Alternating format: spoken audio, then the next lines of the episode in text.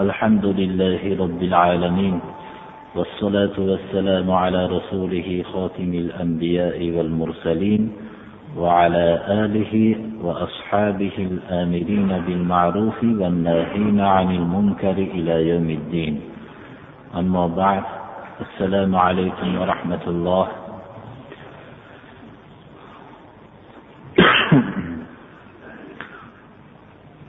Bugungi shavvol oyining ikkinchi jumalari.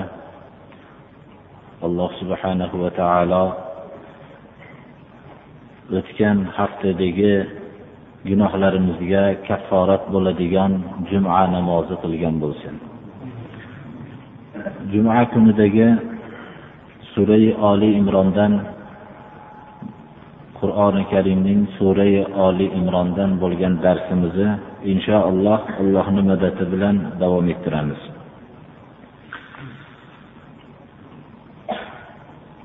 استعيذ بالله ولله ما في السماوات وما في الارض يغفر لمن يشاء ويعذب من يشاء والله غفور رحيم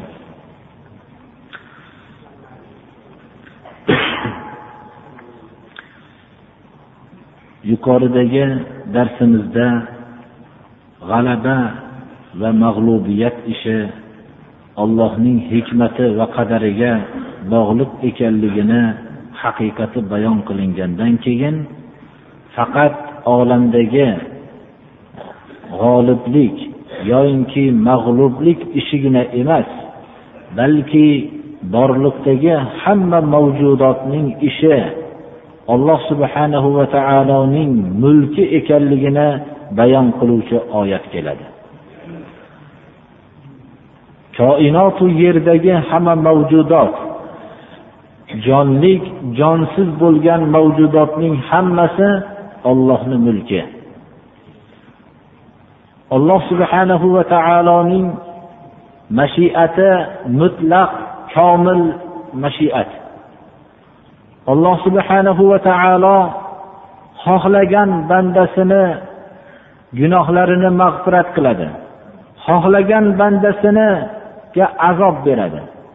Alloh subhanahu va taoloning mashiati gunohni qilib bilmasdan qilib davom etmasdan to'xtab ollohning azobidan qo'rqib rahmatini umid qilib ollohga istig'for aytgan bandalarning gunohini kechishlikni olloh xohlagan. Alloh subhanahu va taolo ollohni hukmini masxara qilib olloh tarafidan kelgan payg'ambarlarning yo'lini masxara qilib o'zini yaratuvchisini hukmlarini masxara qilgan kishilarni azob berishligini ollohni mashiati xohlagan. Olloh xohlagan bandasini gunohini kechiradi xohlaganda azob beradi. Olloh kechiruvchi mehribon zotdir. Hech qaysi bir inson o'zini eng yaxshi ko'rgan kishisini ham xatosi agar takrorlanib qolsa kechirmaydi.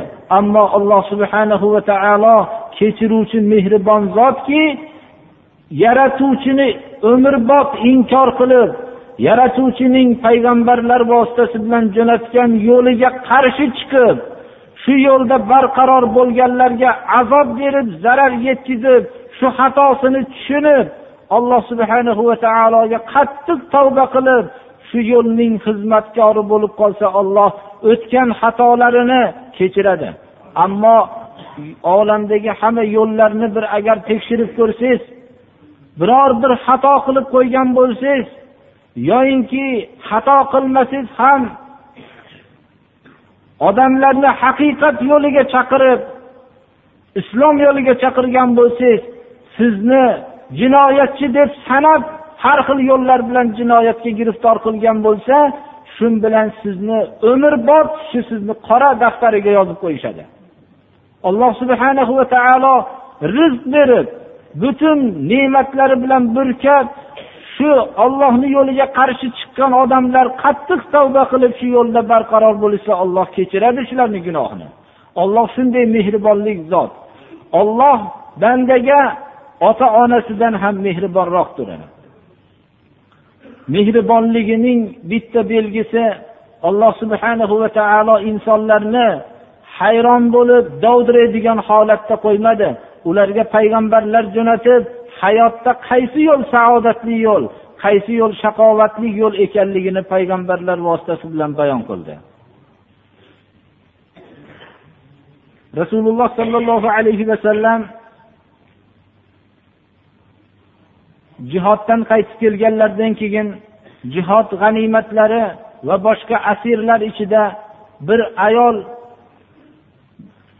boshqa ayollar safida ham turganida shunda bir go'dak bolani ko'rib uni yig'layotganligini ko'rib olibla ko'ksiga qo'ydida uni ko'ksi bilan ovqatlantira boshladi.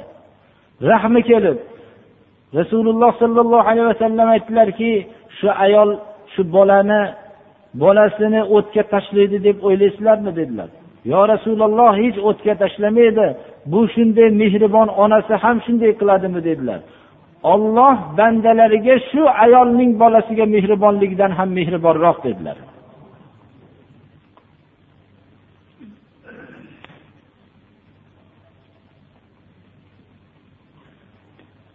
Olloh kechiruvchi mehribon zot tavba darvozasi bandalar ro'barusiga ikki qanoti bilan ochib qo'yilgan va allohning mag'firati rahmatiga erishishliklari uchun ana ular alloh subhanahu va taoloning yo'liga sodiqlik bilan qaytib tavba qilishliklari kifoya qiladi ularning gunohlarini mag'firat qilinishligiga. Olloh kechiruvchi mehribon zotdir. Demak tamomiy koinotu yerdagi hamma mavjudot ollohni mulki bo'lar ekan. Shular jumlasidan g'alaba musulmonlarning g'alabasi va mag'lubiyati ham bu mavjudot ichidagi narsalarning jumlasiga kirar ekan. G'alaba va mag'lubiyat ollohning mulki olloh g'alabani g'alabaga loyiq bo'lgan bandalariga beradi.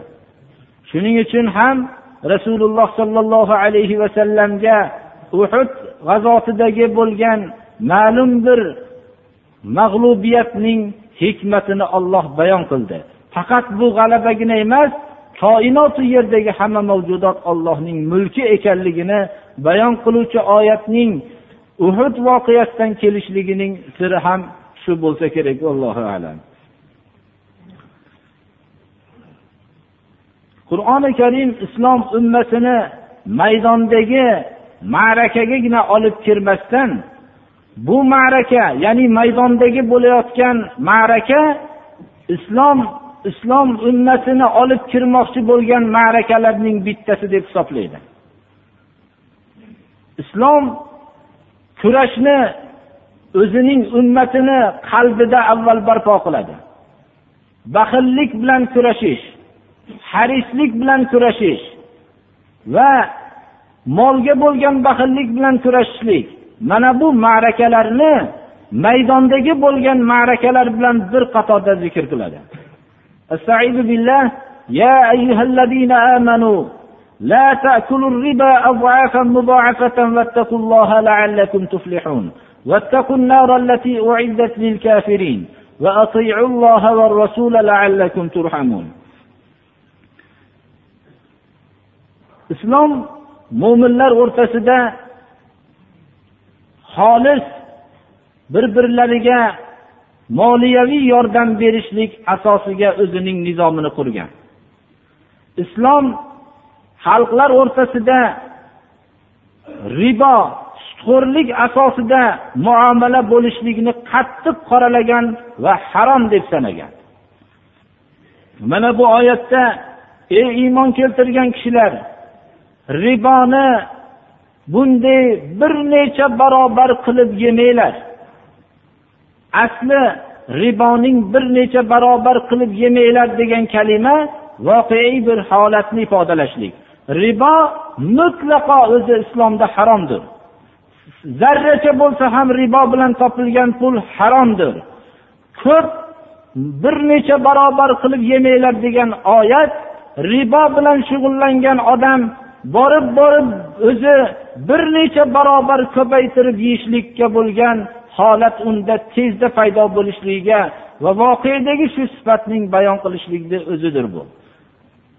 Ba'zi dinga qarshi bo'lgan kishilar qur'ondan shubhalarni istashib o'zlarini qur'onga shubha solmoqchi bo'lgan kishilar mana shu oyatni ham ba'zi o'rinlarda hujjat qilishib bir necha barobar yeyishlikdan man qilingan ozroq muddatda yesa bo'ladi degan qur'onni o'zlarining rayicha tafsir qilib din bilan kurashishgan din dushmanlari ham yo'q emas birodarlar mana. Shuning uchun mana shu bayonni qilib ketyapmizki qur'oni karim bir necha barobar yemanglar. Riboni degan oyat ribo bilan shug'ullangan odam hayotda butun ochko'zlikka giriftor bo'lib butun bir necha barobar qilib yeyishlik uning tabiatiga aylanadigan voqeiy bir sifatni bayon qilinyapti. Ribodan saqlanishlik. Faqat ollohning taqvosiga bog'liq masaladir birodarlar. Ollohdan qo'rqqan kishigina qalbidan ribo degan sifatni yo'qotib tashlaydi. Chunki undan qarz so'rab kelgan kishilar muhtoj kishilar bo'ladi zaif kishilar bo'ladi. Ularning muqobilasida kuchli bo'lgan odam doim zaif kishilarni ezadi. Ammo qalbida xudodan qo'rqishgina bo'lsagina ularga yordam berishlik fikri shundagina keladi. Shuning uchun riboni yeyishlikdan man qilinishlikdan keyingi oyat ollohdan qo'rqinglar. Shundagina sizlar o'zinglarni qo'l ostinglardagi kishilarga rahm qilinglar. Shundagina sizlarga ham rahm qilinadi. Rahm qiling yerdagilarga sizlar sizga ham alloh subhanahu va taolo tarafidan rahm qilinadi.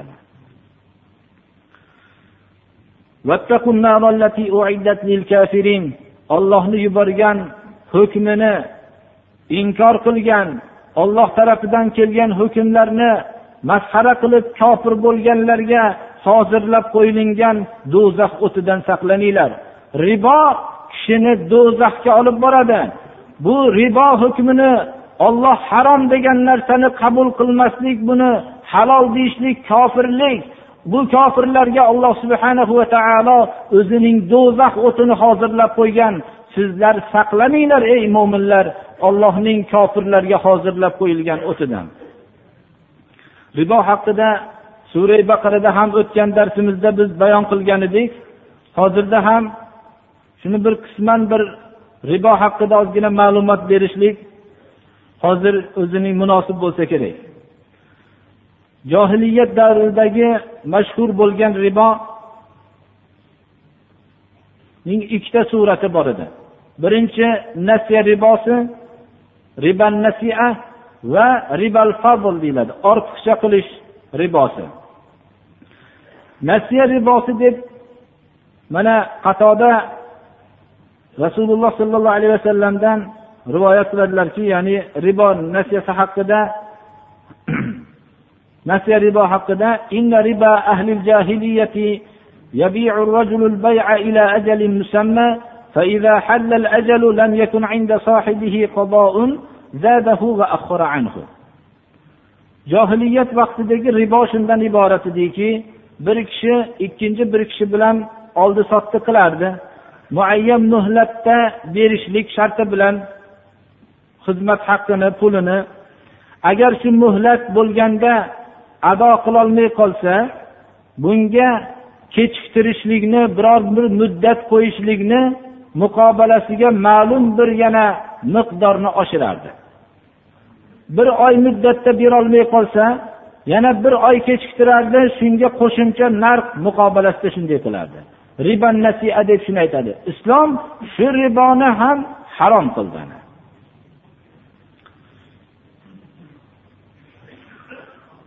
mujohid roziyallohu anhudan rivoyat qilinadiki johiliyatda bir kishini ikkinchi bir kishida qarzi bo'lardi. Va aytardiki senga shuncha miqdorda beraman qarzingni o'tolmayapman shuni kechiktirsang deb talab qilardi kechiktirib berardi. Shu kechiktirish muqobilasiga ma'lum bir narsani olardi. Bu ribo ya'ni sutxo'rlik islom buni harom qildi. Ribal fabl ortiqcha ribo masalasi bir narsani ikkinchi bir narsaga sotishlik xuddi o'ziga. Masalan bug'doyni bug'doyga sotish xurmoni xurmoga sotish bir narsani ikkinchi bir narsaga sotiladi shu bir xil turda turi ya'ni xurmo bo'lsa u ham xurmo bug'doy bo'lsa bu ham bug'doy yaxshi yomon bo'lishligidan qat'iy nazar. Shunga qo'shimcha qo'shib sotilinadi.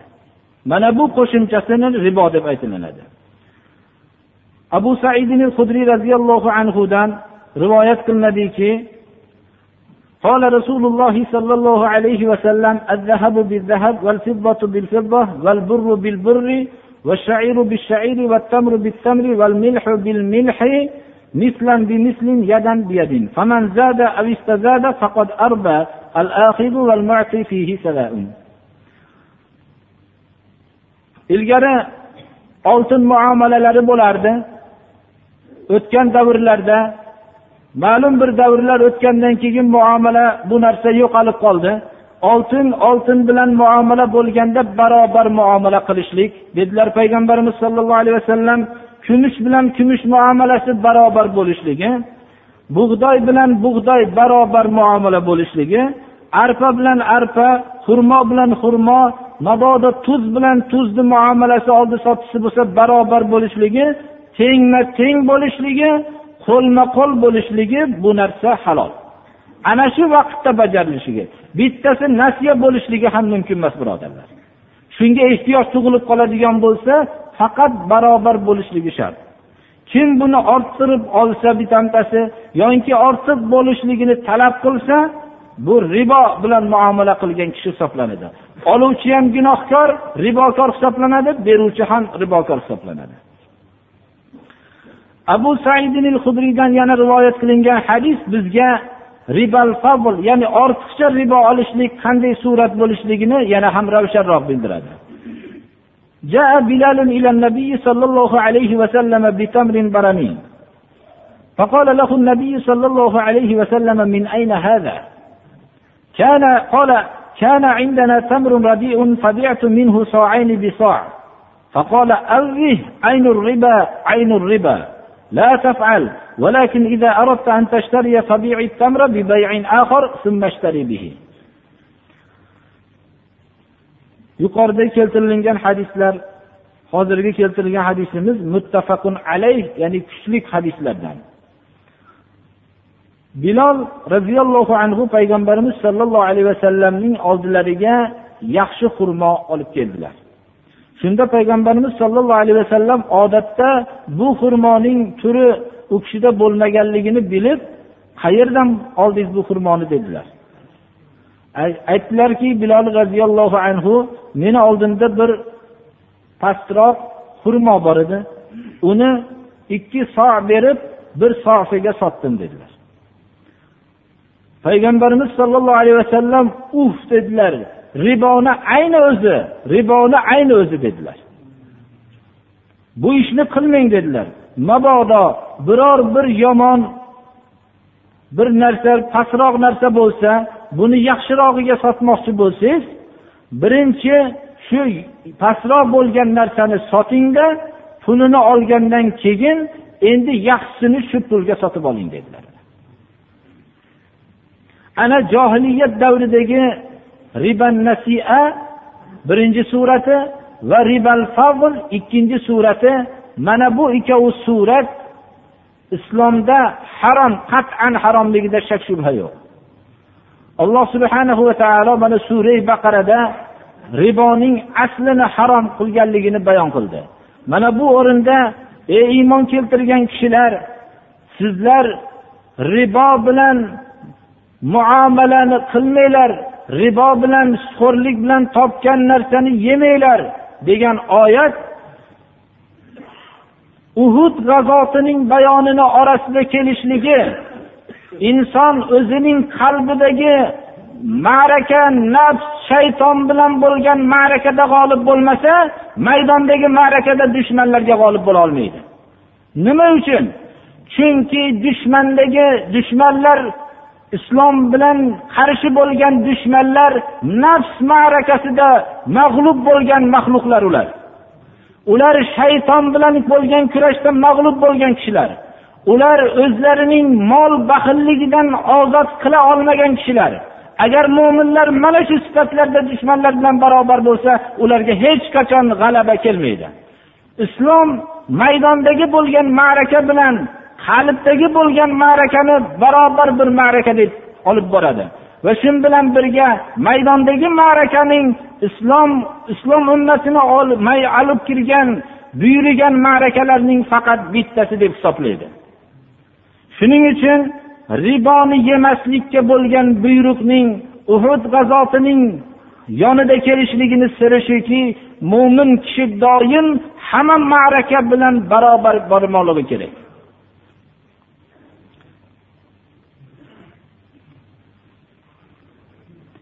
Hozirgi sutxo'rlik asosida qurilayotgan mabodo shunday sutxo'rlik asosida qurilayotgan bo'lsa mo'minlar o'rtasida birinchi bu adovat ruhini paydo qiladi.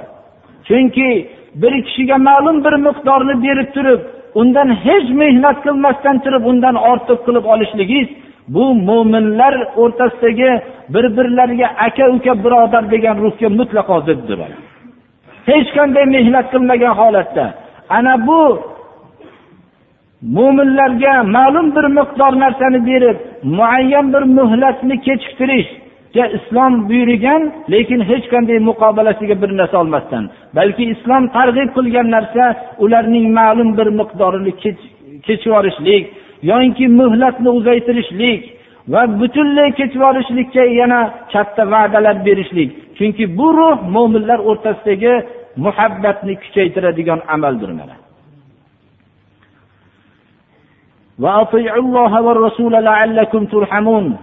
Ollohga rasuliga itoat qilinglar. Alloh subhanahu va taolo sizlarga mana bunday hayotiylarning muvozanat bilan boradigan manhajini sizlarga yubordi payg'ambarlar vositasi bilan. Ollohga itoat qilinglar ollohni jo'natgan payg'ambariga itoat qilinglar. Shunda sizlar xalqlarga rahm qilgan bo'lasizlarda xalqlarga rahm qilinga qilgan kishilarga alloh subhanahu va taolo tarafidan ham rahm qilinadi.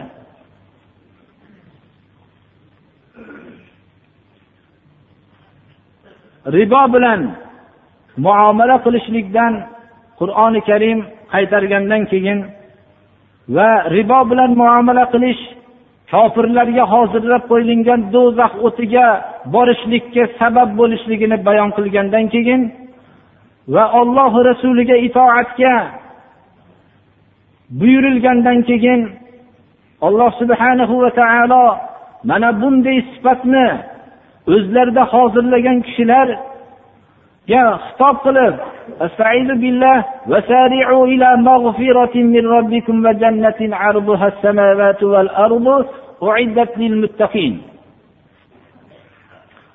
Inson olloh rasuliga itoat qilgandan keyin ollohning qiyomat kuni oxiratdagi beradigan mukofotlari go'yoinki o'zining ko'z oldiga kelib qoladi. Mana bu olloh rasuliga itoatdan keyingi buyruqda alloh subhanahu va taolo mo'minlarni ko'z oldiga o'zining mag'firati va eni koinotu yer bilan bo'lgan masofacha bo'lgan jannatga jannatning ularning ro'barosiga go'yoinki qo'yib shoshilinglar shu ollohning mag'firatiga. Eni koinotu yercha bo'lgan jannatga uzunligini olloh subhanahu va taolo o'zi biladi.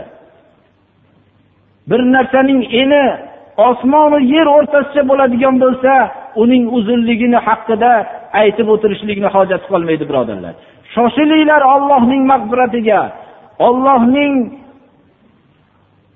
jannatiga shoshilinglarki bu jannatning eni osmonu yer o'rtasicha keladigan.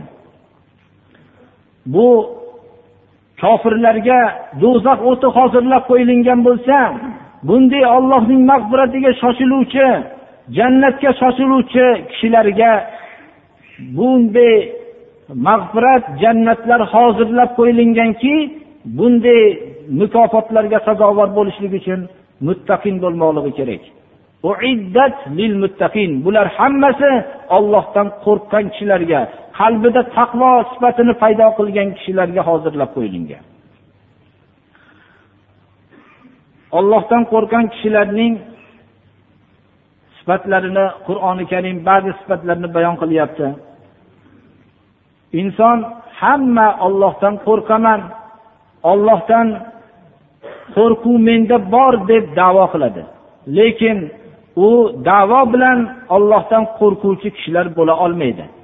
Shuning uchun bu yerda zikr qilinayotgan sifatlarga har bir kishi o'zini taqqoslab ko'rsinki o'zi muttaqinmi yoinki boshqami? Muttaqinlarning sifatlari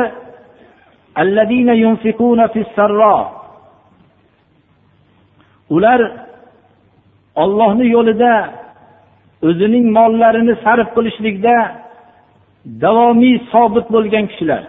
Qayerda jihodning zikri kelgan bo'lsa qur'oni karimda ollohni yo'lida mollarni sarf qilishlik zikri yonma yon keladi. Chunki jihod ollohni yo'lida mollarni sarf qiladigan kishilar bo'lmasdan turib vujudga kelmaydi. Ularning sifatlari shuki xursandlik bemalollik vaqtlarida ham ollohni yo'lida sarf qilishadilar va qiyinchilik vaqtlarida ham sarf qilishadilar. Ya'ni ularning ehson qilishlari ollohni yo'lida mollarini sarf qilishlari mizojlar mizoj masalasi emas. Ular hushlariga kelib qolganda ehson qilishadigan emas. Ular biror bir boshlariga musibat tushib qolsa shuning musibatni ko'tarilishlik uchun ehson qiladiganlar emas. Ular bir yomon tush ko'rib qolsa ollohni yo'lida deb biror narsani ajratadigan kishilar emas. Ular ollohni yo'lida sarf qilishlikda barqaror bo'lgan kishilarki xursandlik mollari ko'paygan vaqtida ham mollarining ko'pligiga asir bo'lib qolmagan va hamda o'zlari mollarga muhtoj bo'lib qoladigan qiyinchilik holatlarda ham o'zgalarning manfaatini bila oladigan kishilardir muttaqillarning sifatlari ular mol mol baxilligidan shunday o'zlarini molga asir bo'lib qolishlikdan o'zlarini saqlay olgan kishilardir. Mol bilan bo'lgan muomalalari shu bo'lsa kishilar bilan bo'lgan muomalalari da'vat yo'lida ketayotgan vaqtlarida tabiiyki odamlar tarafidan g'azablanishlikka sabab bo'ladigan narsalarga duchor bo'lishadi. Va yana odamlar tarafidan ozorlarga ro'para bo'lishadi. Bu vaqtlarda achchiqni yutuvchi kishilar. Achchiqlarini yutadigan yutib oladigan kishilar. Chunki ular o'zlarining harakatlarini odamlar uchun qilayotgandek his qilishmaydilar. Alloh subhana va taoloning rizosi uchun qilayotganliklarini his qilishadilarda odamlarning qilayotgan g'azablariga g'azab bilan javob bermasdan balki achchiqlarini yutuvchi kishilardir ollohdan qo'rqqan kishilarini odamlar tarafidan shaxsiga yetgan ozorlarni afl qilib afl qilib kechiruvchi kishilar. Afl qilish bu hammaga nasib bo'ladigan sifat emas birodarlar. Afl qilish odam ko'p narsalarni afl qiladiyu dunyoviy narsalarni bilan afv qilishlik ularga ko'plarga muyassar bo'ladi. Olloh yo'lida afv qilishlik hammaga muyassar bo'lmaydi. Va yana afv qiluvchi kishi deb kim aytamiz? Har bir narsa bilan ozor berishlikka qodir bo'lib turib g'azab bilan hammalariga javob berolmaydigan bo'la turib afv qilgan kishilarni haqiqiy afv qiluvchi deymiz. Qo'lidan kechirishlik imkoniyati bo'lmasdan turib iloji qolmaganda kechirdim deganlar afv qiluvchi emas. Tavozi zinek mardon neko'z gadogar tavozi kunat xo'yi o'z. Tavozi kichik ko'ngillik katta kishilarning qilsa ine haqiqiy kichik ko'ngillik deyiladi. Gaday agar tilanib yurgan odam kichik ko'ngillik qilgan bo'lsa uning davomiy fe'li shu. Uni kichik ko'ngil deyilmaydi. O'zi katta odam bo'lib turib kichik ko'ngillik qilolmaydigan bo'lsa mana buni kichik ko'ngil mutavozi kishi deyiladi. Gaday kishi agar tavozi qiladigan bo'lsa u uning ishi doim kichik ko'ngillilik bilan yuradi. Doim odamlarga yolborib o'zini past olib yurishlik bilan bo'ladi. Uni tavozu deyilmaydi birodarlar.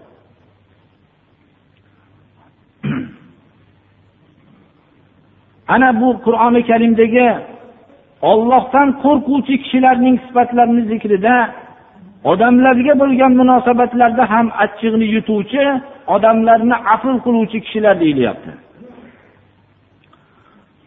Bu maqomga yetgan kishilar